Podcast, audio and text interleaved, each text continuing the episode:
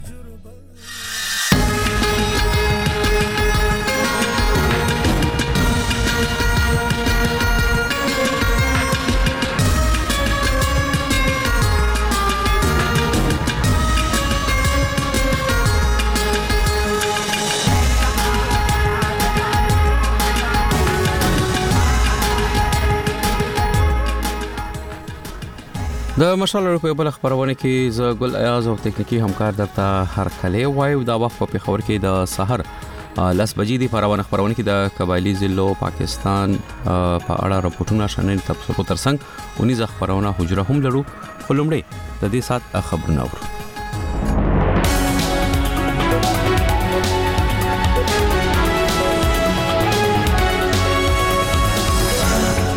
لمړی د خبرونو سره ټکی د پښتون ژغورنې غورځنګ مشر وای د انګور اډي او چمن پر لاتوالو سره تر غوښتنو منلو پوري ولاړ دي عوامي نېشنل ګوند د پاکستان سپریم کورټ له چیف جسټس نه غوښتنه کړې چې په انتخاباتو کې د ټګیو عدالتي پلټنې وکړي او د ملګرو ملتونو یونیسف اداره وای د تیر کال تر پایه و اشاریه و میلیون افغانان په گاونډي هوادونو کې پناه اخیسته ده اوس د خبرونو تفصیل د پښتون ژغورنې غورځنګ مشر منظور پښتین پرون د جنوبي وزیرستان انګور اډه کې ناست احتجاج کوونکو ته ویلي دي چې ترڅو یې د اسلام آباد لارې نه وي تړلې تر هغې غوښتنې نه منل کیږي منظور پښتین دا څرګندونې په داسې حال کې کړي چې د جنوبي وزیرستان د انګور اډې احتجاج کوونکي وایي د 2023 کال د نومبر له 12 مې راځي یې پر لټ وهلې خو حکومت یې لا هم غوښتنې نه دي منلي منظور په خپل وینا کې زیاته کړه چې دوی د چمن او انګور اډې پر لټوالو سره ولاړ دي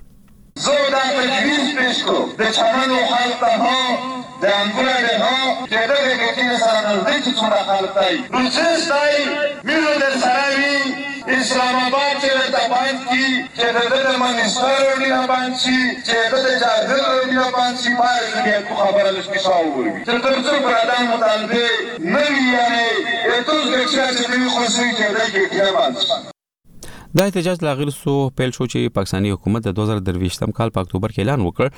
چې د هماغه کال د نومبر له لومړۍ نیټې راهیسې له افغانستان سره تګ راتګ لپاره پاسپورت او ویزه لرل لازمي کوي د جنوبستان انتظامی چارواکو په وار وار مشرلو ته ویلي چې د پرلتوالو د غوښتنو پوره کولو هڅه کوي خو احتجاجانو په خبره لا هم غوښتنې نه دي منل شوي د عوامي نېشنل ګوند ان پی د خیبر پښتونخوا مشر ایمل ولی خان د پاکستان سپریم کورټ له چیف جسټس قاضي فایز عیسی نه غوښتنه کړې چې د فروری اتمې په انتخاباتو کې دی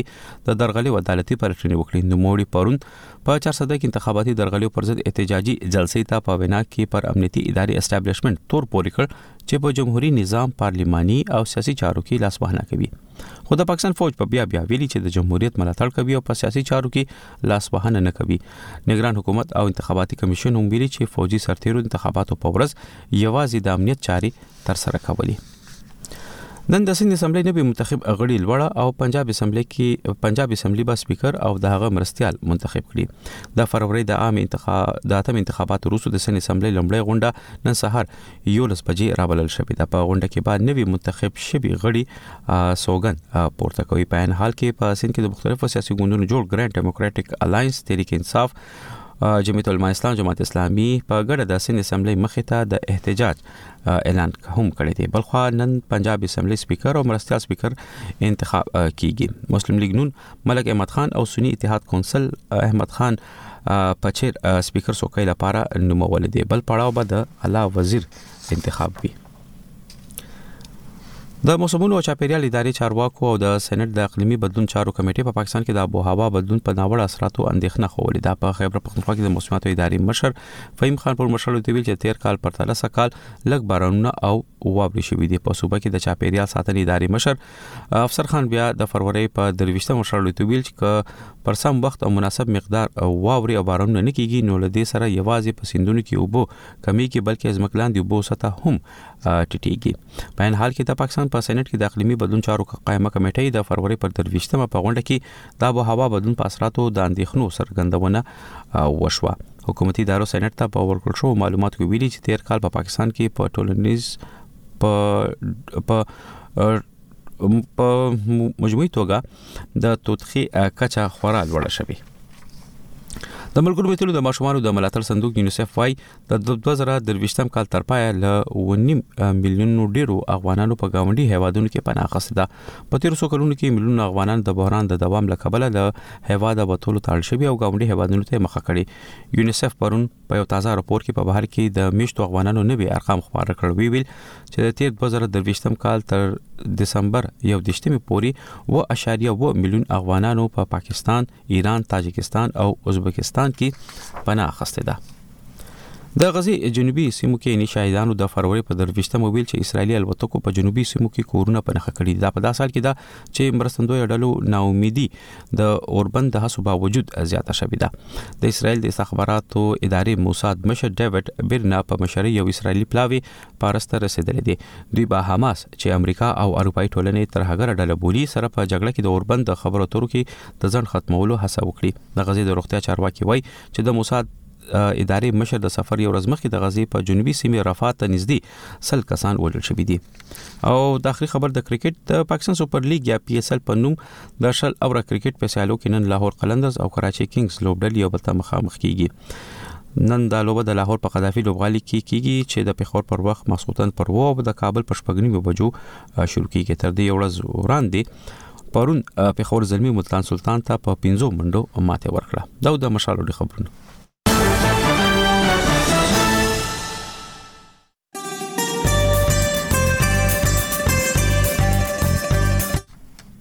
مشال لوی ته تاسو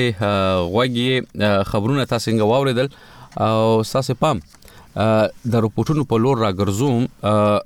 نو تاسو ته زه میرستو تاسو کولای شئ چې د مشال رادیو زمنګ ټولي خبرونه په مشالرادیو.com په مدارس په فیسبوک او په ټوئیټر هم کتلې لوستلې او اوریدلې شي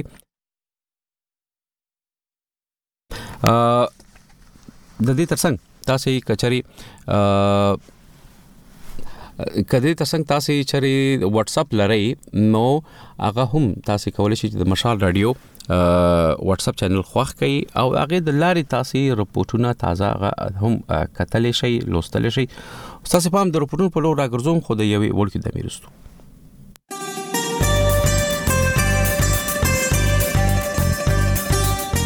د مشال رادیو د خالی ورسي اونیزه خبرونه حجره پلسنیمو بجو نوې نړۍ په پاوکم یو بجا د کرخه په غاړه په یو بجا سندره جادوګری په دونیمو بجو باډیوي په دریو بجو پام کوا په څلور نیمو بجو. د مشال په نوم. په پنځو بجو. د پښتون ژغورنې د مشر منظور پښتين پرون د انګور اډي پر لټوالو سره لیدل دي د جنوبي ورسان د انګور اډي احتجاج کوونکي د 2023م کال د نوامبر له 12مې راځي پر لټوهل دي او غوښتنه کوي چې افغانستان ته پتاګ راتګ کې د ویزه او پاسپورت شرط ختم کړي منظور پر لټوالو ته په وینا کې ویل چې اویا کالو راهیسې خلکو په دې لاره تګ راتګ کاوه او له دې اقدام سره خلک بې روزګاره شوي دي. ده زیاته کړه چې د دې خلاف به خپل اواز پورته کوي. خو مقامي انتظامي چارواکي وايي، د سیمې خلکو ته د ژوند بنیادي سهولتونو له ورکولو لپاره یې عملي اقدامات هم کړي دي. نور تفصیل د اشتیاق مسید په دې رپورټ کې اورو. سویلي وزیرستان لوور ضلع انګوراډا سیمې احتجاجي درنې ته د جمعې په تېره ورځ د پښتون ژغورنې غورځنګ مشر منظور پښتین وراغلی و او د انګوراډا سیمې اوسېدنکې ته یې په خپله وینا کښې وویل. ایس مین ټرایټ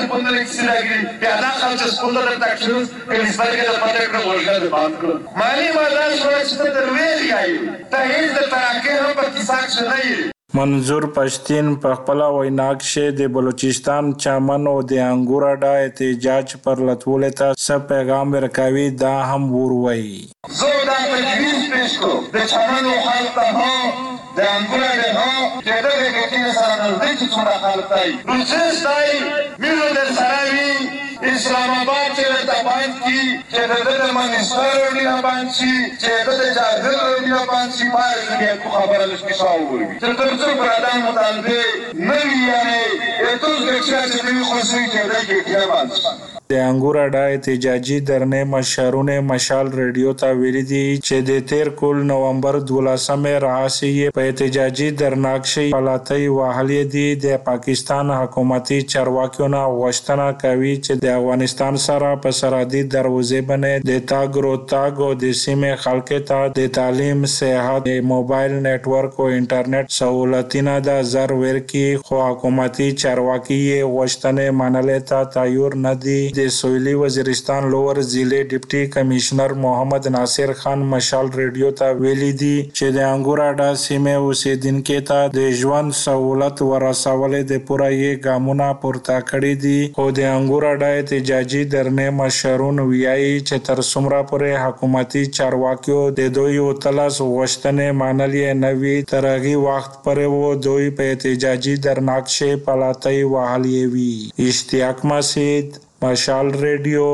ډیره اسماعیل خان. مشر وروڼي ته تاسې غوږ يې.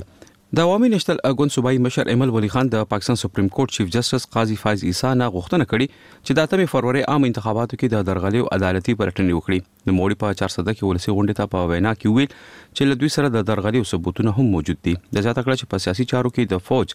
لاس وهنې پر ضد به خپل تحریک ته دوام ورکوي. خو فوج تل دا تورونه رد کړي دي. بلخوا د ټاکنو کمېشن په انتخاباتو کې د درغلیو تورونه بې بنیاده بولي. نور تفصیل له چارسدې نه شبیر احمد جان راکوي. د جمعې په ورځ چارسده کې شوې احتجاجي جلسې ته وینا کې د عوامي نیشنل ګوند صوبايي مشر ایمل ولي خان د پاکستان په ریاستي ادارو تور ولګاوه چې دوی په پارلیمان، په جمهوري نظام او سیاست کې لاسوهنې کوي او د دوی ګوند به تر هغې خپل احتجاجي تحریک ته دوام ورکوي تر څو چې دا لاسوهنه نه وي ختمه کړې. پارلمان نه هم تېر، د حکومتونو نه هم تېر، د دې نه پس زمونږ یو ایجنډه ده او دا یاران دې وګوري، اوس د دوی وخت کم دی، اوس د دوی وخت ختم دی، انقلاب بلوچستان کې چالو دی، انقلاب په سند کې چالو دی، انقلاب پنجاب کې چالو دی او انقلاب تاریخي د پښتونخوا نه راوچتېږي، ټول ملک به یو ځای کېږي، په دې یوه نقطه چې د فوج کردار به د جمهوریت او د سیاست نه ختمو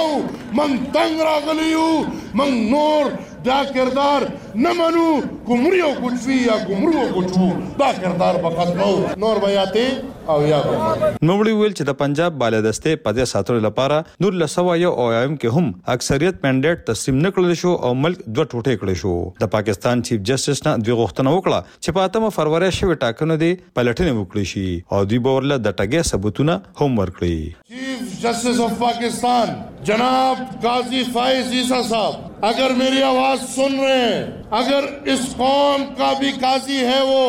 تو میری یہ گزارش ہوگی۔ د چیف جسټس اف پاکستان ښاغلي جسټس فاض عیسی صیب که تاسو زما واعظ اورئ که تاسو ددې قام هم قاضي یې نو زموږ یو خواست دی خو له بده مرغه تاسو هم با اختیاره نه یې موږ غواړو چې تاسو خپل واک وکاروئ جوډیشل انکوایري وکړئ موږ راغواړئ زه به تاسو ته کسان وړاندې کړم چانه چې پیسو غوښتنه شوې ده چا نه چې پیسې اخیستل شوي دي او چا ته چې پیسې واپس کړې شوي دي. جن سې پیسو کې ډیمانډ هوې، جن سې پیسې لیې ګئې، جن کو پیسې واپس دیې ګئې. نوموړي زیاته کړه چې د پوځ کار پولې او هیواد امنیت سمبالول دي نه چې سیاست کې لاسوهنه.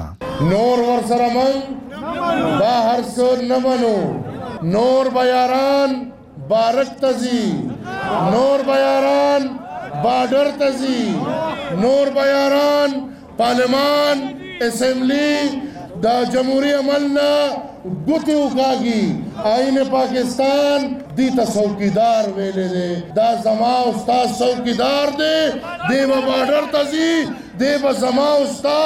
څوکیداری کوي د قام مشري ده د دې مشري نه منو. غونډه کې د ګوند مخکښ میا افتخار حسین، سردار حسین بابک، نثار مومند او نور ځايي مشرانو هم ګډون وکړو او د ډګې تورونه یې تکرار کړل خو د پاکستان پوځ تېرو وختونو کې هم دا ډول تورونه رد کړي دي او دا تورونه یې بې بنیاده ګرځولي دي چې ګنې دوی سیاست یا ټاکنو کې لاسوهنه کوي په اتمه فبرورۍ ترسره شوې ټولټاکنې وروسته د پاکستان په څلور واړو صوبو کې د پاکستان تحریک انصاف جماعت اسلامي، جمعیت علماء اسلام فی، پښتونخوا ملي عوامي ګوند او نور سیاسي ګوندونه په احتجاج دي او د ټګۍ تورونه لګوي. په دې اړه د پاکستان د انتخاباتو کمېشن ویلي چې په اتمه فرورۍ ترسره شوې ټاکنې په ښه، شفافه او پرامنه توګه شوې دي او د ټګۍ تورونه یې رد کړي دي او دوی دا هم وایي که چاته څه ډول شکایتونه وي نو دوی ته دې خواستونه وکړي. شبیر احمد جان، مشال ریډیو، پېښور. دا مشال ریډیو ده.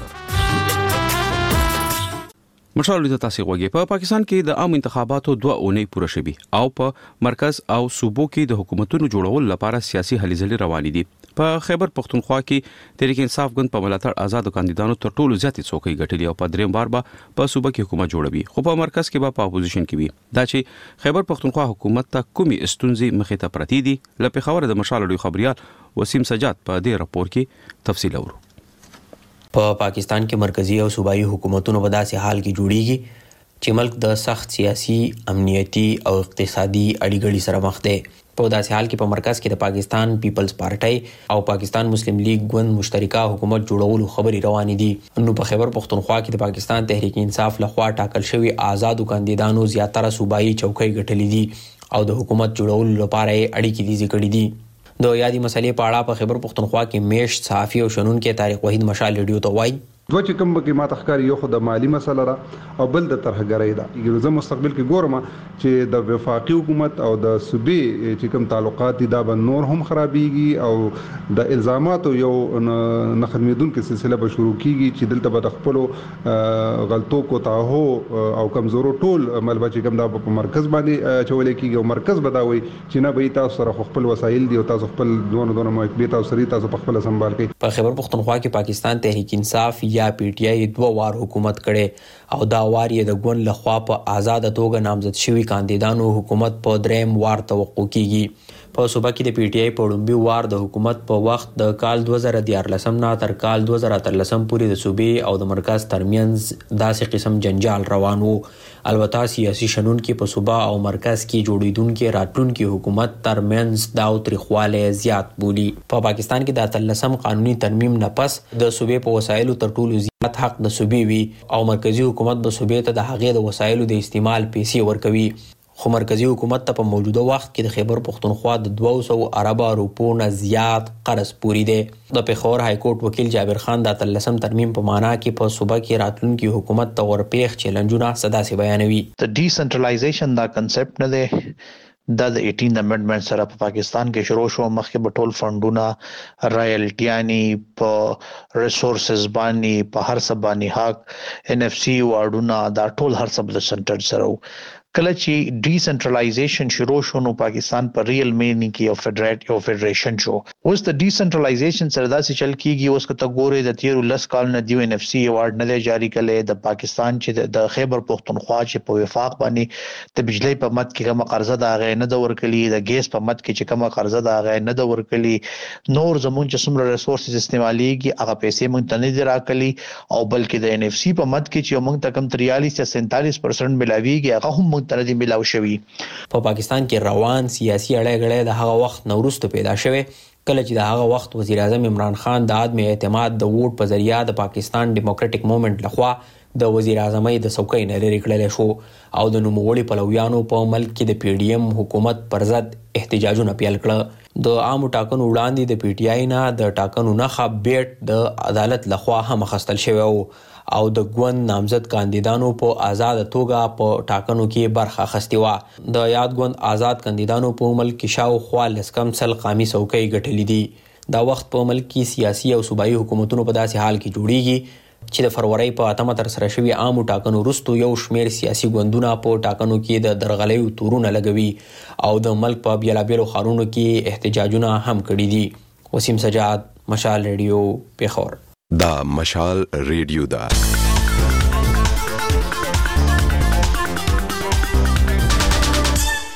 مشال لوی ته تاسې غوږ یې. په پېښور کې مېشت اسناد لرونکي افغان کډوال وايي چې دوی هم د خپل راتلونکي په اړه اندېښمن دي او په کار ده چې په یو وار کارډ موده ورله وغځول شي. د دوی په خبره له دې اقدام سره به دوی ته ډاډ ترلاسه شي او خپل ژوند او کاروبار ته به دوام ورکړي. د پېښور په بوډ بازار کې ځینې افغان کډوالو سره د مشال لوی خبریال فرهاد شینواري خبرې کړي. راځئ چې دا واورو. میرباز پنځه ویشت کاله یا څه کم و زیات کېږي، بس دغه د موچیتوب کاروبار کوو، دا کېړۍ مېړۍ ورسره اړه و راړه وو. د تېر کال نومبر لومړۍ نېټې نه بې اسناده افغان کډوالو حکومت نه پرېښودل چې تاسو ووځئ. یوې اندازې مطابق څخوا و شا پنځه لاکه بې اسناده افغان کډوال چې دي دا په دې وروستو کې افغانستان ته ستانه شوي تاسو څه احساسات دي اوس هم څوک تنګي تنګول خو هغه خلکو د پاره چې چا سره اسنادونه نه او چې چا سره اسنادونه وغه د پاره د سید پاره سنشته خو سارات دومره پریوته چې موږ به 1500 غټلې اوس 200 غټو لکه بازارونه مر سره خراب شو ډیر لان مر سره خراب دي د خلکو د تلو سره د کوم خلک لاړ چې کوم ځکه موږ کاروبار کوو چې زر کسان به د ورځ راتلو وسل راځي سودا د همدې خلکو باندې دا بازار روان و، دا علاقه په همدې خلکو اباده وه، اوس دا خلک چې کوم تللي نو سلو کې اتیا فیصده کمی راغلی دی، پنځویشت کاله دېرش کاله دا خلکو کاروبار کړی د د دې خلکو په خلکو معاملې دي د خلکو په دې خلکو معاملې دي داسې کال یا شپږ میاشتې یا چې دونه ټایم ورکوي دا خو بیخي داسې ناجایزه غوندې ده. نو زما فرمان دی بوړ بازار نه چپلو. یاره مونږ ویو چی را مونږ له دا کارډونه کی ټیم واچول شی او نه وی شی لګه مونږ له. نو تاسو له خو دوه ځل پکی دا میاد وچول. نو میاد خو مونږ ویو چی را بیام پکی واچی بیام پکی ټیم واچی چی سومره ډیر ټیم پکی واچی را مونږ له لکه فیده ناک رازی نم لکه هلته په حساب کور شته نه روزګار شته دی او دلته چی کم دی دلته خو زمونږ روزګار دی چی د دی ځای نه ځو خود خپګان دی اوس چی کم دی بچیم ټول دلته را غټ شو لکه پیدا شو یو ځای نه بل ځای له ځی. مشکلاتو سره خاماخه سړی مخ کیږی. زما نوم شیر اکبر دی وروره. په کار خو دا ده چی موږ ته چی کوم دا کارټونه راکړی دی او په دوی بار بار وایی چی دا بدلیږی او دا داسی داسی کیږی خو چی کوم مهاجر دلته پراتی دی باید چی دوی له کوم خلک چی کارټ نم لری هغی له پکار ده چی کارټ جوړ کړی په کار دا ده چی دا خلک دلته کوم دا تقریبا چالیس پینتالیس سال څخه دلته پاتې شوي دي او موږ خپل په خپل زما 35 37 سال عمر زما خپل پیدایش د دې ځای د پیښور دی نو په کار دا چې موږ د پاکستانی کار راکې ځکه چې زمونږ بچپن دلته تیر شوی دلته موږ خړپوسي کړی دي زمونږ والد صاحب ډیر په انقلاب کې په وخت دلته په خوا راغلي دلته دي او زما والد صاحب دلته په پیښور کې دفن دی دلته وفات شوی هم دی دلته نو اوس چې موږ لا شول د زمونږ اسم نشته دی زمونږ زمونږ د خپل وطن موږ تخکاری زما نوم نعمت الله ده او د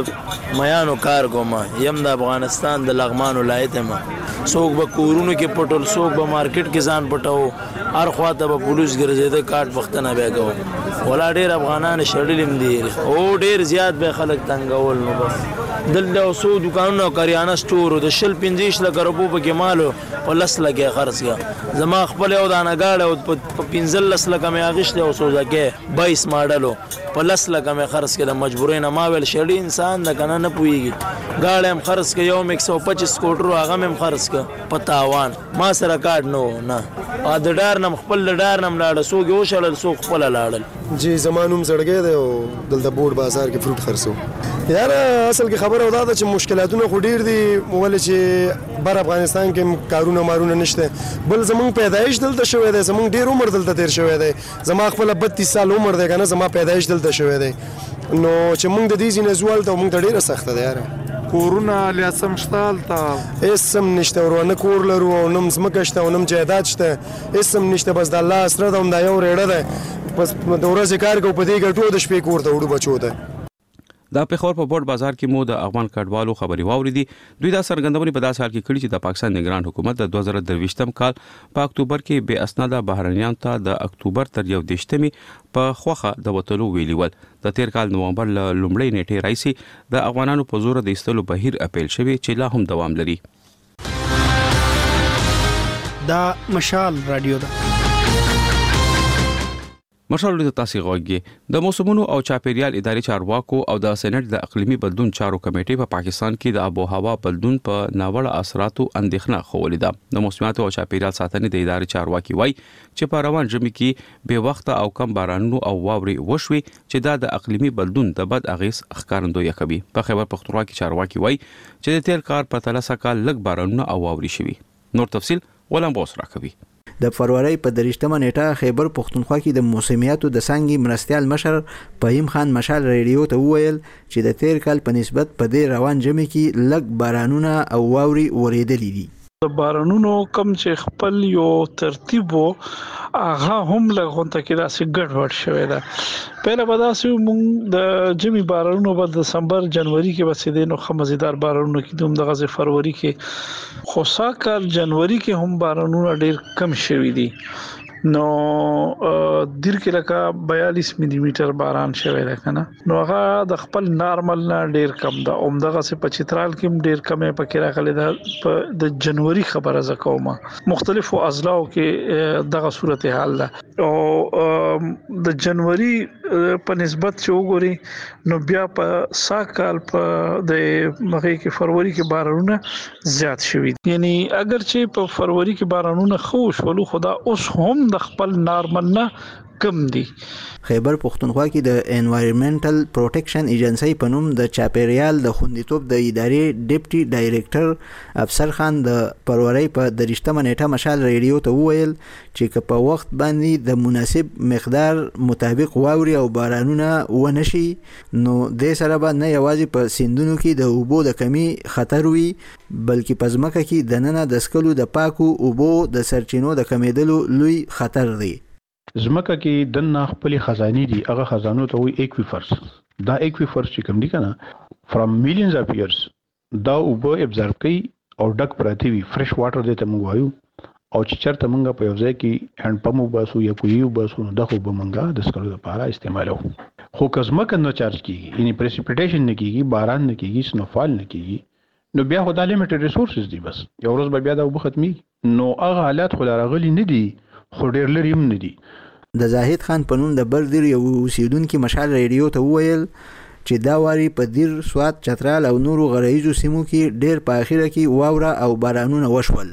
چې عام خلک یې هم محسوسوي چې په موسمونو کې بدلون راغلی دی. دلته چې کوم د موسمونو هغه نېچرل طریقه کار و د مخکې نه چې په دسمبر او جنورۍ کې به واورې کېدې نو هغه موسم، تقریبا تقریبا چینج شوی دی تیر کال هم واوره ډیره لیټ شوی وه او سږکال هم په فروری کې واوره وشوه نو دا واوره یو خو دا چې سړې ختمې شي نو دا هغه شانتې پایدار هم نه زر ختمیږي او په موسمي دغه باندې د دې هغه اثرات هم ښکاره شو چې دا بدل شو. په عین حال کې د پاکستان په سېنېټ کې د موسمي بدلون قایمه کمېټۍ د فرورۍ په دوه ویشت مه نېټه په یوه غونډه کې د اقلیمي بدلون په بدو اثراتو د اندېښنو څرګندونه کړې ده او دغه کمېټۍ ته په ورکړل شویو معلوماتو کې ویلې شوي چې د نړیوالې تودوخې یا ګلوبل وارمنګ مطابق چې کوم د حرارت یا تودوخې کچه پنځه اویا کاله وروسته پکار وه نو هغه رنګ ګرمي د تېر کال نه محسوس شوې ده. هم تېر کال د زیاتې ګرمۍ له امله په پاکستان کې د بې وخته په شکال د زیاتو بارانونو او سیلابونو په وجه په پښتونخوا، سند، پنجاب او بلوچستان کې د کر کروندې ځمکو ته هم ډېر زیانونه رسېدلي وو. خیبر پښتونخوا کې د چاپېریال د خوندیتوب د ادارې مرستیال مشر افسر خان وايي، د موسمي بدلون د بدو اثراتو د مخنیوي لپاره په وفاق او صوبو کې په دوه زره دوه ویشتم کې پالیسیانې هم جوړې شوې دي، خو افسر خان زیاته کړه چې د اقلیمي بدلون مسئله یوه نړیواله مسئله ده او په دې باندې قابو موندل د یو هېواد یا یو صوبې د وس کار نه دی. که موږ وګورو خپل پېښور علاقه نو په دوه زره اکیس کې فورټي ناین ډګري سنټي ګرېډ ته ټمپرېچر رسېدلی و، دا ډېر لوی ټمپرېچر دی. نو که په دې اشاره سره دا ټمپریچر سیوا کیږي درجه حرارت سیوا کیږي نو ډیره لرې نه ده چې دا ټمپریچر به پیاره 52 او 53 ډیګري سنټیګریډ ته رسي او 52 53 ډیګري سنټیګریډ داسې ټمپریچر دی چې په هغې باندې به یو اوچ خشاک هسې به څه اور اخلي کلایمیټ چینج یا موسمیاتي تبدیلي دا خو د یو ریجن مسله نه ده دا څه د یو ملک مسله نه ده او دا یو صوبې مسله نه ده دا پالیسي به هله صحیح امپلیمنټ کیږي چې په دې کې انټرنیشنل ډونرز هغوی خپلی سوا چی لکه ورلډ بینک شو ایشین ډیولپمنټ بینک شو یو این ډی پی شو او فیډرل ګورنمنټ نه پکې پراجیکټس راشي پیس ډی پیز ورته موږ وایو. که څه هم تر دې دمه په خیبر پښتونخوا او نورو برخو کې د ژمي لږ بارانونه او واورې ورېدلې دي خو د موسمیاتو محکمې د فرورۍ په دریشتمه نیټه په خیبر پښتونخوا کې د فرورۍ د پنځه یشتمې نیټې نه د نورو بارانونو او واورو ورېدلو امکان څرګند کړی دی.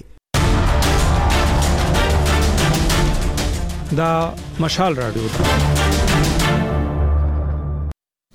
مشال د تاسو غوږی د روان غړي نمای برخي در ورسې تاسو یو څو خبرونو مهمه برخي وایم او غیر رستو با تاسو ته ونیزه خبرونه حجره لرو څنګه تاسو په خبرونو کې واوریدل چې د پښتون ژغورنې غورځنګ مشر منظور پښتين پرون د جنوبي ولسان انګور اډې کې ناس احتجاج کوونکو ته ویلي چې ترسو یې د اسلام آباد لارې نه وی تړلې تر هغه غوښتنې نه منل کیږي منظور پښتين دا سرګندونې په داس حال کې کړې چې د جنوبي ولسان د انګور اډې احتجاج کوونکو وایي چې د 2023م کال د نومبر له 12مې رئیس یې پرلت وهل دي خو حکومت یې لا هم غوښتنې نه دی منلي بلخو د جنوبي وزیرستان انتظامی چارواکو په وار وار مشالو ته ویل چې د پرلتوالو د غوښتنو پوره کولو هڅه کوي خو د احتجاجانو په خبره لا هم غوښتنې نه دی منل شوی د عوامي نېشنل ګوند ان پی د خیبر پښتونخوا مشر ایمل ولی خان د پاکستان سپریم کورټ له چیف جسټس قاضي فایز عیسی نه غوښتنه کړې چې د فرورۍ اتمې په انتخاباتو کې دې د درغلیو عدالتي پلټنې وکړي نومور دا څرګندونې پرون په چارسده کې د یوې احتجاجي جلسې پر مهال کړې دي خو د پاکستان فوج په بیا بیا ویلي چې د جمهوریت ملاتړ کوي او په سیاسي چارو کې لاس وهنه نه کوي نگران حکومت او انتخاباتي کمیشن هم انتخابات شفافه ګرځولي دي او نن د سن اسمبلی نوی منتخب غړي سوګن پورته کوي او پنجاب اسمبلی با سپیکر او دغه مرستيال سپیکر منتخبوي د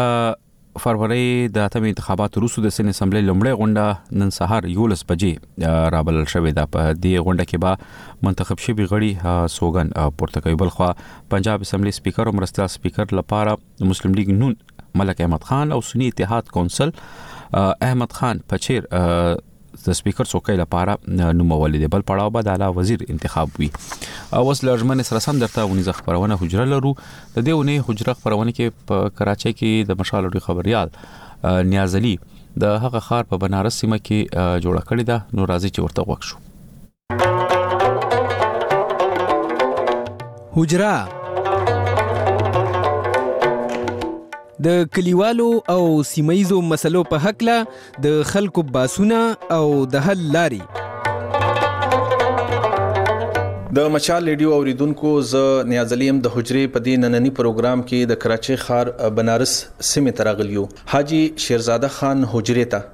په کراچۍ کې چې په عمومي تګه منګه ګورو چې د حجرو چې کوم روایت دی هغه دلته شاید ختم شوی خو دا هغه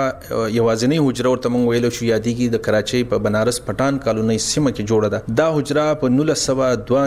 نوي کې جوړه شوی وه او د هغه وخت راهسې نن هم منګ دلته ګورو چې نه صرف د پټان کالونۍ بنارس بلکې د کراچۍ د پښتون میشته سیمو چې په هغې کې که سوراب کوټ دی که کیاماڼۍ ده که لانډي سیمه ده د هغه ځای خلک نن هم دې حجرې ته راځي دلته په بيالا بيلو مسلو باندي د بحثونو سره چي اوس تازه کوم اليکشن شوی دی نو په دي باندي هم نه صرف بحثونه تاوده بحثونه کيږي خلک خپلي ستونزي بيانوي د يو بل سره ګپ شپ هم لګوي په کراچۍ کي پښتنو ته دا وخت کمي مسلې در پيش دي په دي حجره کي راسره نن دلته په ګڼ شمير کي مشران او ځوانان ناست دي د هغوی سره به خبري کوو. راځو ستاسو طرف ته که خپله پيژندګلو راسره وکړئ او دا راته ووايئ چي تاسو څه ګڼئ چي په بنارس سیمه کې پټان کالونۍ سیمه کې پښتنو ته کمی ستونزې دي غټي بسم الله الرحمن الرحیم زمانوم جی دلدار زاده ګلاب دی سیاست سره سره دلته علاقائی هلو زلو کې مزه ډیر د غیم اکټیو یم جی لګ دلته کومنګ دی ته د پښتنو ک پښتنو ک د بنارس دی ک د کیاماڼي دی ک د سوراب ګډ دی ک د لاندې دی د ټولو ته یو شانتي مسایل په مسایلو کې موږ ته د ټول نه بنیادی چې کوم بنیادی سہولیات دي هغه موږ ته نه دي میسر لکه څنګه بنیادی سہولیات کم کم دي چې هغه تاسو ته نن هم په دې یوشتمه دویشتمه صدۍ کې تاسو غنئ چې هغه پښتنو ته نه دي میسر لکه بنیادی سہولیات په موږ دا وایو چې د ژوند تیرولو یو څو بنیادی سہولیات لکه اوس پاغي کې لکه موږ دې ته وګورو چې وبدي او به موږ ته کمی دي موږ ته دلته په شل شل ورځې بعد وبه راځي بجلی په موږ باندې سوار لس سوار لس پنځلس پنځلس غنټې په موږ باندې دلته لوډ شیډینګ دي ګیس موږ ته لوډ شیډینګ دي د منشیاتو زمونږ علاقې د منشیاتو ګډ دي چې په یو سازش په تحت باندې دا ټول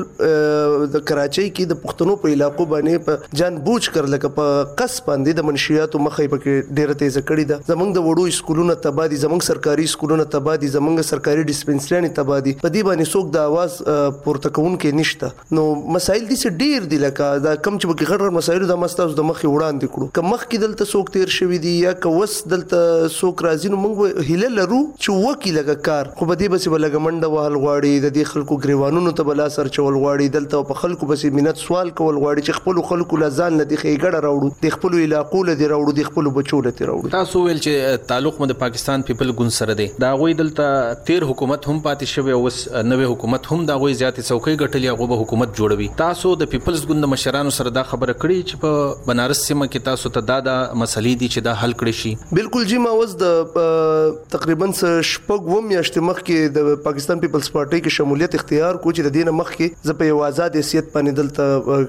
کینډیډیټ هم وم په بلدیاتي الیکشن کې نو زموږ شمولیت له میر صاحب راغلو میر صاحب له ما یو سپاسنامه ورکړل چې په هغې کې ما پنځلس نکات هغو ته لیکل دي په هغې کې زموږ دلته سرکاري هسپتال چې کم جوړ دی او پنځلس کاله مخکې خو هغه هغه شانتې بند پروت دی هغه یې لا نه دی خلاص کړی هغه مې ورته پکې لیکل دی د بنارس د چوک صورتحال مې لیکل دی د اوبو مسایل د واټر پمپ مسایل د سرکاري سکولونو د ډسپنسرانو دا ټولې مسلې ورته موږ لیکل دي که موږ ګورنمنټ ته وګورو که ګورمنټ د پاکستان پیپلز پارټۍ به دې صوبه کې دی خو مونږ به دا خبر هم تسلیموو چې مونږ به حیثیت قوم د پاکستان پیپلز پارټۍ نه نه د کار کولو مطالبه کړې ده او نه مونږ هغو له تلي یو زمونږ په علاقو باندې د وسه پورې بلکې به دې دې دا یو څو ورځې مخکې چې کوم الیکشن شوی دی که په بلدیاتي حس باندې او که په عام انتخاباتو باندې پاکستان پیپلز پارټۍ د وسه پورې یو نماینده هم نه دی کامیاب شوی نه ورله چا ووټ ورکړلی خو بیا هم که تاسو د پټان کالنۍ په کوڅه څه وګرځی بیا هم دلته د پیور بلاک کارونه شو دی د اوبو کارونه شوی دی چې سنه څه دغه هم هغه زمونږ مشران اکثر خبره کوي د کریړو ځان لکه دوړي نو مونږ کوشش کوو چې مونږ هغه کریړې جوړ شو ان شاء الله امید ده چې مونږ دغه شانتي دي نور ځوانان راغون کو خپل یار دوست راغون کو او مونږ خپل د مشران د کارونه راوړو دغه تاسو ویل چې دلته یو هسپتال جوړ شوی خو تر اوس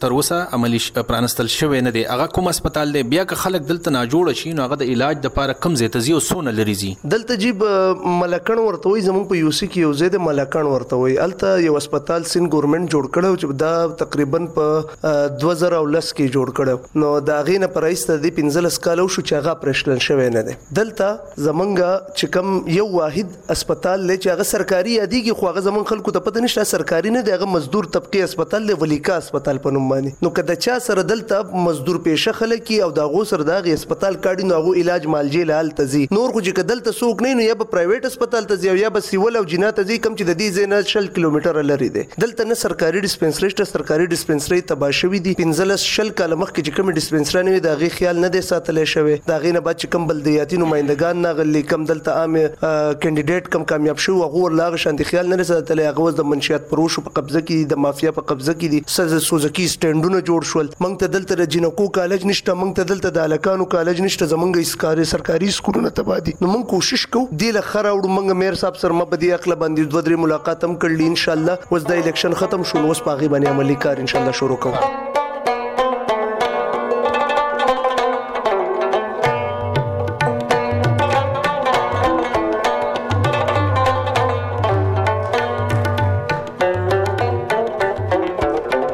دلته را سره د حجرې په دین نننی پروګرام کې نور مشران هم ناشتي د دوی سره خبرې کوو که خپل پیجنګلو را سره وکي او تاسو څه غنئ د کمی سیمه سره تعلق ساتي دلته اوس یو څه غنئ چې بنیادی ستونزې تاسو ته دلته څه دي؟ بسم الله الرحمن الرحیم زما نوم عبید خان دی او زه پیدایشي به تور باندې په کراچۍ کې دلته زما پیدایش هم د کراچۍ دی او دلدار خان دلدار خان چې کوم خبرې وکړلې او دا غي سره زه په لګ روشنی واچوم او لګ وضاحت به مو کوم او چې زما تعلق د پاکستان پیپلز پارټي سره دی او زه د د دې صوبايي حلقې د پي اس صدر یم بنیادي چې کوم مسایل دا بالکل موجود دي خو زموږ د قوم بدقسمتي دا ده چې مونږ اول خدا دی چې مونږ هغه تقسیم شوی په داسې سیاسي پارټیانو باندې یا په داسې ډلو باندې چې هغه ډلې یا انقلابي تور باندې انقلاب خبرې کوي هغه د مفاهمت خبرې نه کوي نو چې تر اوسه پورې په دې علاقه باندې چې دا د پښتنو علاقه ده په دې باندې پاکستان پیپلز پارټۍ په تاریخ کې یو پیر قومي اسمبلۍ سیټ ګټلو دا غیر نه بعد کوم موږ دلته بلدیاتو کې الیکشن کې موږ الیکشن کوو نو زیاتره پښتانه د ان اپوزیټ چلیږي اوس په دې تیر الیکشن کې د متحده قومي موومنټ یو کاندید چې د سوراب ګوټ سیمه نه ولاړو د قومي اسمبلۍ اقبال مسعود هغه هم کامیاب شوی دی یعنی د متحده قومي موومنټ نه یا د پیپلز ګوند نه پښتانه کاندیدان کامیابیږي خو کچ کم پښتون ملتپال ګوندونه دي د هغوی کاندیدان نه کامیابیږي. د هغې وجه هم دا ده چې خلک خو دلته ګورې د خپل مسایل د حل کیدو لپاره کوشش کوي نو خلکو دا سوچ وکړو چې یاره په کراچۍ کې هم دغه خلک زیات دي ایم کیو ایم والا زیات دي نو دغه چې یوه پارټي وه عوامي نیشنل پارټي هغو په سند کې د ایم کیو ایم سره اتحاد وکړو چې د هغې ډیر بد ریزلټ راووتو لهذا په هغه وجه باندې چې په دې په ټول په سند کې د عوامي نیشنل پارټي څخه کاندیدیټ هم کامیاب نه شو او خلکو د هغې په غوسه کې نورو پارټو له ووټ ورکو او پښتانه هم دغه شان مېروم شو د سوراب ګډ باره کې خبره کړو اقبال مسعود هغه یو شخصیت ته او هغه ځکه چې کوم خلک پاتې کیږي ګلچنه یا کاخیل سوراب ګډ دغه زینه ټول دغه د مسعود برادری دي مسعود خلک تل توسيږي نو داغه چې کوم ځوانو نو هغه هغه له ایم کیو خپل ټیکټ ورکو د ایم کیو چې کوم نوې قیادت راغله ایم کیو پاکستان چې ورته وای نو هغه د دې ټولو پارټو سره یو خري ریلیشنشپ قائم کړی دی او دا تاثر ورکو دی خلکو ته راغلل دی پښتنو ته دی ټولو ته چې بی زمونږ هغه مر مار داړ او وژل زخمی کول هغه مونږ پریښودل او اوس به راځو مونږ به یو ځای به کار کوو. دلته په دی حجره کې راسره یو بل مشر موجود دی د دوی سره خبری کوو خپله پیژندګلو راته وکړی او تاسو څه ګڼی چې په دی بنارس سیمه کې پښتنو ته کومی ستونزی ور مخ دی. زما نوم ګلاب خان دی د پټان کالونی اوسیدونکی یو دلته پیدا شوی یو والد صاحب مو هم دلته کې وو. په خان آباد سابقه ناظمي والي صاحب کونسلرو نو زمونږ یو خو تاسو شکریا ده کوم چې تاسو مودونه وخت وستو راغله او زمونږ ده ماته ګډي خبرې اوري نو دلته معاملات چې دي زمونږ د پښتنو تاسو څنګه چې وی ډیر زیات خراب دي مسایل ډیر زیات دي او دا غي مین خبره وجه دا چې زمونږ بدبختی له بې اتفاقی ده مونږ په دې پارټو کې تقسیم یو مین خبره زمونږ د وبو زیات ده د روډونو زیات ده کچرو د حالت د شینه ده څنګه چې پکارو چې صفائی کې دی هر څه کې دی نو دلته ډیر مشکلات دي اوس بجلی چې کوم شرم راغسته دی لوډ شیډینګ زیات کړی دی بغیر تپوسه څوک تپوس نشته د ګیس شارټیج دی ګیس پریشر نشته خلک پریشان دي د وبو مسایل دي وبو په اتلسم ورځ راځي کله په شلم ورځ راشي په شپږم ورځ راشي هکې مسایل پریشانی په ډیر علاقو کې نشته اپ ټینکر راولي تاسو ذکر وکړو چې تاسو په کم وخت کې د دې علاقې مشروالی تاسو ته حواله شوی یعنی ناظم پاتې شوی یې کونسلر پاتې شوی یې او دا تاسو چې کوم ستونزې بیان کړې د دې د حل لپاره تاسو په هغه وخت کې څه کړیو نو اول په سر خدا خبره ده چې زمونږ والي صاحب ایوب خان په دور کې بي ډي ممبر وو بیسیک دیموکراسي په نوم باندې دا غنه بعد بیا 7979 نه کونسلر دغه شروع شو زیولق دور نو والد سه پاره کې د کونسلر کې سواغستا او لګاتار درې ځله 79 و بیا 83 و بیا 87 کې هغه کونسلر جوړ شو چونکه هغه سبق نو ویلې او تعلیم کمیو نو بیا پرز مشرف یو نوې قانون نافذ کو چې د ناظمۍ او الیکشن بوي هغه د پاره سبق لازمی کو میټریک لازمی کو نو بیا مجبوری وا بیا والي صاحب زو چونکه مشر اولاد وم نو ما غي کې سواغسته الیکشن کې د خپل علاقې نه او د خلکو غټه مینه وا چې موږ بیا ناظم منتخب کړو د 2001 نه واره 2005 پورې دا چې کوم الیکشن وستیر شو تازه په دې کې مونږ ولیدل چې د ایم کیو ایم او د ان پاکستان پیپلز ګوند زیاتره غړي د کراچۍ نه کامیاب شوي دي عوامي نېشنل ګوند پښتونخوا نېشنل عوامي پارټي او پښتونخوا ملي عوامي پارټي چې په څو څوکو خلک هم ودرولې او هغو نه دي کامیاب شوي، نو تاسو څه ګڼۍ چې دلته د پښتنو نه کامیابیدلو وجه څه ده؟ دلته کې مین خبره دا ده چې پښتانه ډیر هوښیار خلک دی، ډیر ښه خلک دی، دې کې هیڅ شک نشته، خو بدبختي زموږ د مشرانو ده، په دې کې د هغو ډیر غټ کردار دی، که هغه زیات مقامي چې کوم مشران دي نو هغه زه خو وایم چې غلطې فیصلې وشي هغې باندې بیا خلک خپه کیږي، کنه دښمنان یې دي ولې ووټ نه ورکوي. مونږ چې څه سخت راشي خو بیا مونږ پښتانه یادې مشران یادې پارټي یادې چې تکلیف راشي او په ووټ کې نه یادې ولې نه یادې ډیره مننه دلته را سره په دې حجره کې نور کسان هم ناسي دا غوي سره خبرې کو که خپل په جنگلو را سره کوي او د کمی سمې سره تعلق ساتي وعلیکم سلام ډیره مننه زما نوم جانزیب مشال دی او زه د سوات سیمې کانجو سره تعلق لرونکی یم او دلته په کراچۍ کې ژوند کوم څه ګڼئ چې دلته پښتنو ته مشکلات ستونزې چې کوم دی څه دي لکه د دې نورو مشرانو سره مونږ خبرې وکړې نو اوبه نشتی بجلی نشتی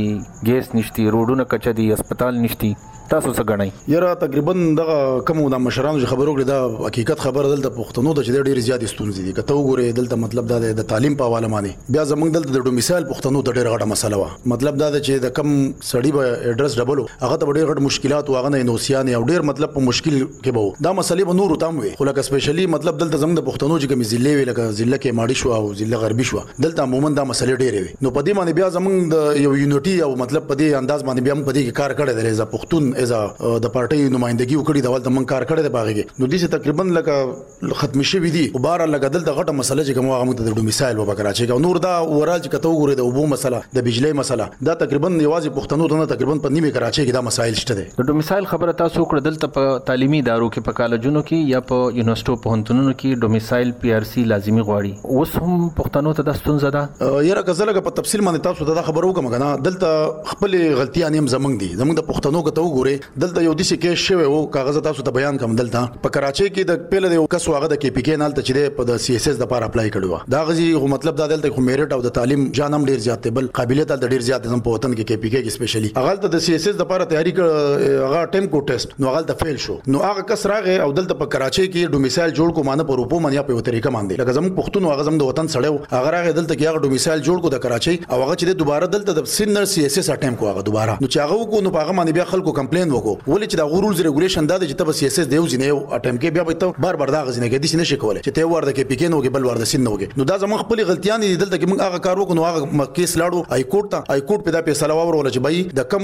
سړی چې اډرس ډبلی نو هغه به مطلب د مثال تاسو نو ورکوي د کراچۍ د سین د کم ډیسټریکټ چامي نو پاغي کې بیا موږ پښتانه ډیر په لپیټ کې رالو او موږ ته دا مسایل ډیر زیات شو خو بهر لوس پاغي باندې ډیر کار شوی دلته کې زموږ مطلب د پښتنو چې کوم مشرانو هغه مطلب هلته کې لاړو د پښتنو از پښتنو نمائندګي هلته کړې ده په دې مسایلو باندې خبرې کړې هلته کې ها اوس نوې انتخابات هم شوې دي نوې خلک هم وټاکل شو حکومت پم جوړيږي څه غنئ چې پښتنو ته په کراچۍ کې پښتونمیشته سیمو کې کمی ستونزې دي دا به حل کړی شي نو ان شاء الله امید خو لرو چې ان شاء الله حل بشي د خیره امید په دې لرو مطلب دا چې اوس دا کم بلدیات نظام چې راغله په دې کې کوم ورالو ګورونو دلته کې د پښتنو نمائندګي به ډیره زیاته ده که هغه موږ دلته په ضلع غربۍ کې وګورو که په ضلع کې ماړۍ کې وګورو که په ضلع کو لانډي کې وګورو او که په ضلع سنټرل کې وګورو مانه په سنټرل کې کم ده خو بهرحال په دې نورو ضلعو کې چې د پښتنو نمائندګي ډېر زیات د پښتانه چیرمنان راغلي وایي چیرمنان راغلي ان شاء الله زموږ امید دا دی چې دا به وشي ډیره مننه اوریدونکو د مشال ریډیو په دې حجرې په دینه ننی پروګرام کې دلته لګا دماخلو یو سندره اورو او د سندرې رستو بیا بیرته راځو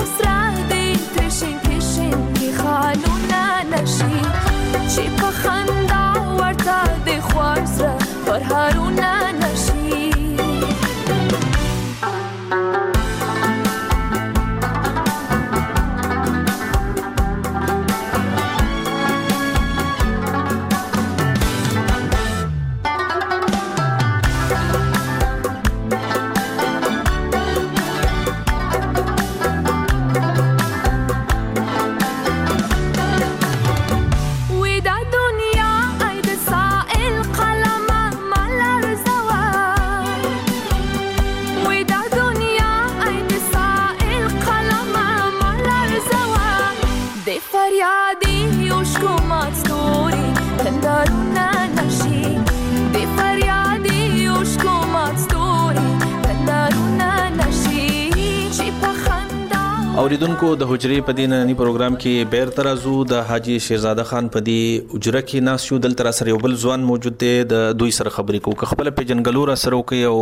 تاسو څه غنئ چې په دې پښتنو سیمو کې چې کوم مسایل دي دا به څنګه حل کیږي سلامونه اني ازلی صاحب ډیره مننه ټول نو مخکې تاسو شکریا ادا کوم چې تاسو د پښتنو د پاره د شغک پورته کوی او د شي پښتنې اجرې په دې نسبت برقرار یو روخانه ساتي زما نوم انعام الحق دی د سوات سیمې چوپریال سره تعلق لرم او کراچۍ کې پیدا شوی یم او دلته کې ژوند کوي به حیثیت د یو طالب علم سټوډنټ او ورسره یو روزګار ځان لټکه پکه کو سبق وای نو تاسو په دې سیمو کې ستونزې کمی دي پښتنو ته خاص طور ستونزې خو چې پښمیر راول جو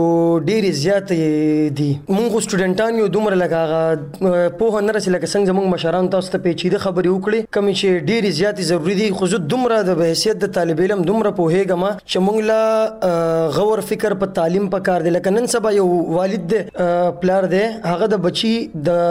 سبق فکر په کار دی نو هغه چې مطلب ښه یونیورسټي په کار ده ښه کالج په کار دی یا چرته علاج د خاص پتال نه په کار دی مونږ د دې هر سیس د دې سوچونو نه محروم یو مونږ د دې نه نه وزګار چې زمونږ د کډر ډکن نشته زمونږ په نل کې وب نشته زما بجلی نشته مونږ د دې نه نه وزګار نه دین هټ کر مونږ لکه زمونږ دغه څه کې دی شي لکه ډیر زیات لکه ستونزې چې پښمیر راول ډیر ډیر زیات دي لکه ژوند ډیر زیات ګران شوی دی لکه صاحب شاه صابر سی وای کنه چې جون څه دی یو بلا ده یو عذاب دی یو هیبت ته دوکه د بیمانی د سراسر منافقت ته نو زمونږ لپاره جون یقینا د صاحب شاه صابر سی د دغه شعر په تحت باندې د مونږ ته عذاب جوړل په کراچۍ کې چې پښتانه کم سټوډنټان دي تاسو څنګه نه چاغوي ته سمسلې دي داخلي نه ملاويږي یا په سیمه کې خص کولونه نشتی یونیورسيټیان دي نو غلري دي جی جی بالکل څنګه څنګه زمونږ نه مخکې جانزیب مشال رور زمونږ دا خبر وکړه چې ډومیسایل پی ار سی مونږ ته مسله ده نو چونکه زما هم ډبل اډریس ته زما د چوپریال د سواد سیمې نه تعلق لرم څنګه تاسو ته وی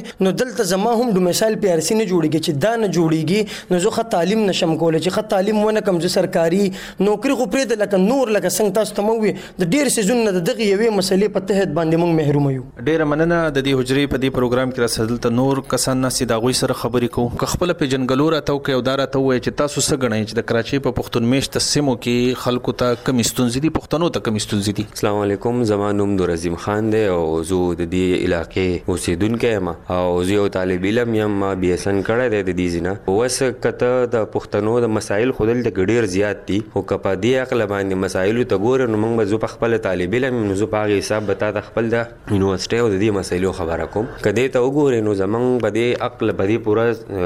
سایډ کې زموږ څه یونیورسټي څه دي څه نشتي لکه موږ ته د یونیورسټۍ او دلته کې او دغه دی بل دا یونیورسټي خو پرېږده خو لکه د دې ځي دا دی چې موږ هغه د ایجوکېشن دا سېکټر نه یې موږ ویستی او بار کړی وو په دې ډومیسایل به دې اکړه باندې وس دا دی چې لکه د ډومیسایل دا مسله موږ د خکړل چې یاره ډبل اډرس والا دا مسله ډیره موږ د سنگینه کړ چې تاسو لکه چا چې ډبل اډرس یو داغه الان کې موږ میټریک هم د دې زینه کړ دی د نرسری نواله د لسمه پوری بیا یو لسم دو لسم موږ د دې زینه سرکاری کالجونو کې مو ویلي وس دی وی چې سر تاسو دا ډبل اډرس نو تاسو له موږ ډومیسایل هم نه نه درکو چې ډومیسایل مال نه جوړي نو بیا و زما له مخې ته په سرکاري یونیورسټو کې مال داخله نه راکې دا غي د وجې نه زمونږ ډیر شي ملګری و د سرکاري یونیورسټو نه پاتې شو دا یو ډیر غټه ستونزه ده زمونږ چې پښتنو ته د خپل لکه دا حق میلاو کړل شي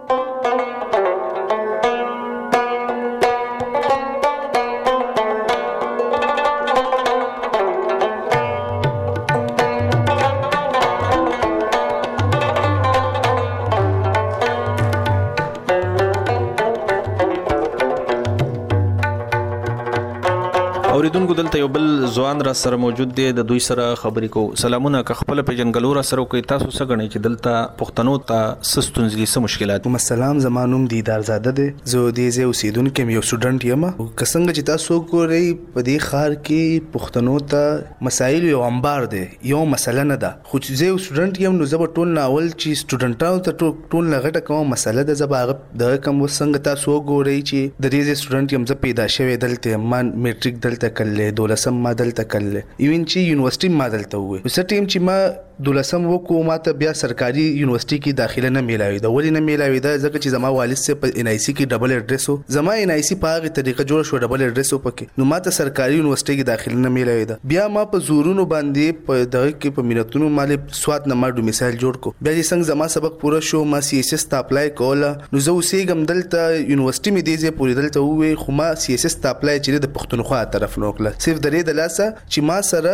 ډومیسایل نه و که څنګه تاسو وګورئ زما نیکه دلته خښ دی دلته ازادۍ نه مخکی دلته راغلی و زما والد صیب دلته را و پیدا شوی را لوی شوی دلته دی زما روڼه زو زما والد صیب نن نه پنځوس کاله مخکی ډومیسایل جوړ کړی د ریزی له ډیره مننه دلته راسره یو بل مشر موجود دی د دوی سره خبری کوو که خپل نوم راته واخلئ او تاسو څه ګڼئ چی دلته پښتنو ته څه مسلې دی تاسو ته. نیاز بای ډیره مننه چی تاسو خپل دونه قیمتی وخت خراب کو زمونږ دی خړو پښتنو خواله رالی. زما نوم جمال دی زه دلته کې په دې ځای کې د شپېتو کال نه پاتې کېږم ژوند مې دلته تیر شو وړوکوالی ټول بچپن مې دلته خو موږ ته په هر ځای کې مسایل دي په هر ځای کې موږ ته مسایل دي په دې چې یو خو زموږ د علاقه پسمنده ده هیڅ قسم له سهولت موږ ته نشته که د اوبو ده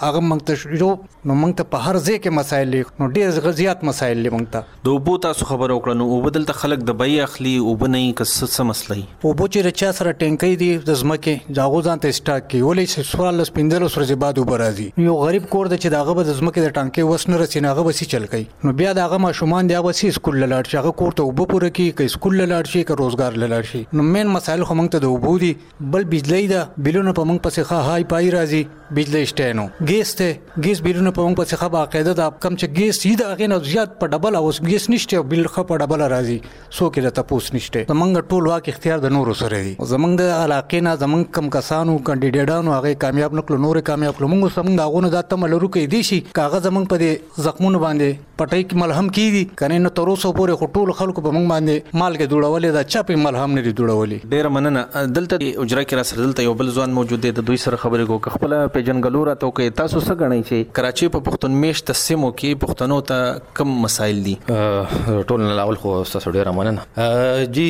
زمانو مت الله خان آزاد ده بشري حقوق چې سمرم دي په دنیا کې یو سټیټ چې کم چاته پروواید کول غواړي او بجلی ګیس دا خو یو طرف تکا د دې سره سره نو که موږ دا ووایو ته پښتانه په دې ښار کې چې کله نه پاکستان جوړ دنه دلته آباد دې ښار اکانومي موږ چلول دا چې موږ دا وو چې پای کې فیول چې از فیول استعمال تاسو وایي چې پښتانه په دې ښار کې د ټول نه زیات آباد دي او اکانومي هغه چلی پښتانه خپل نمائندګان ولې صحیح نه ټاکي چې دا غوي د دوی د ستونزې حل کړي چې د 15 او یا کالو نور ته مخامخ دي په دې ښار کې دا غوي وجه بیسیکلی وجه دا سره چې دلته بیسیکلی چې سمرم پښتانه زیات تر خاري کوخې دي ملونه کې مزدوریانې کوي څنګه چې زموږ مشرانو زیات تر هغه د یو بل سیاسي او سماجي تور تنو کې هغه دغه نشته دا غي ډېر څه وجوهات لري خو لکه د اکونومي د کراچۍ ښار موږ چلول له موږ ته حقوق نه دی میلاو دا ریاست ذمہواري ده او بل وجه دا چې موږ کې سیاسي او سماجي تور موږ یووالی نشته دلته شپېته لږه پښتانه اوسېږو خو زموږ سیاسي لیډرشپ چې تاسو وایي کنه چې لیډرشپ هم کمه ده په موږ کې هغه مشران نشته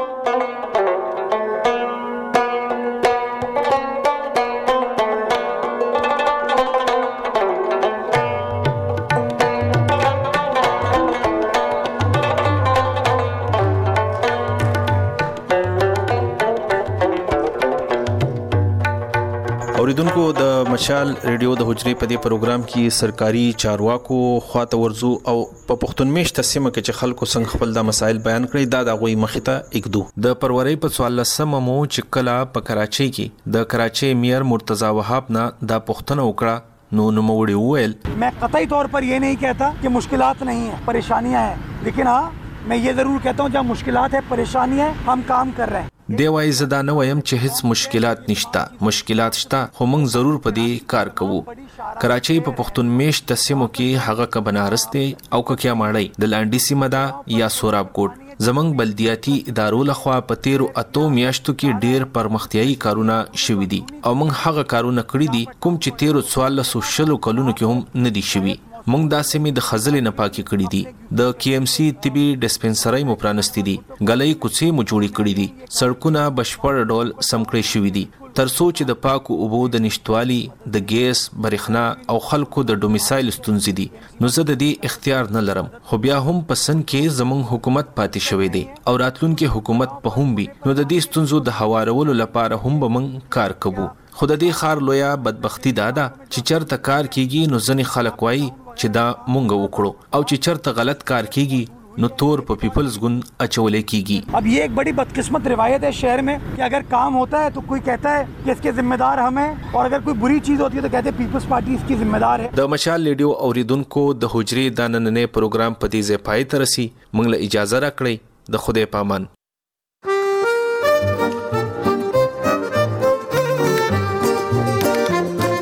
د مشال رادیو یوټیوب چینل دوه لکه نه زیات سبسکرایبرز لري تاسو هم را سره ملګري شئ مونږ په youtube.com/mashalradio کې موندلې شئ مونږ تر اوسه له 9000 زیات ویډیوګانې خبرې کړې دا لړۍ دوام لري او هر ورځ نورې ویډیوګانې هم درته خبرو له مشال رادیو سره ملګري شئ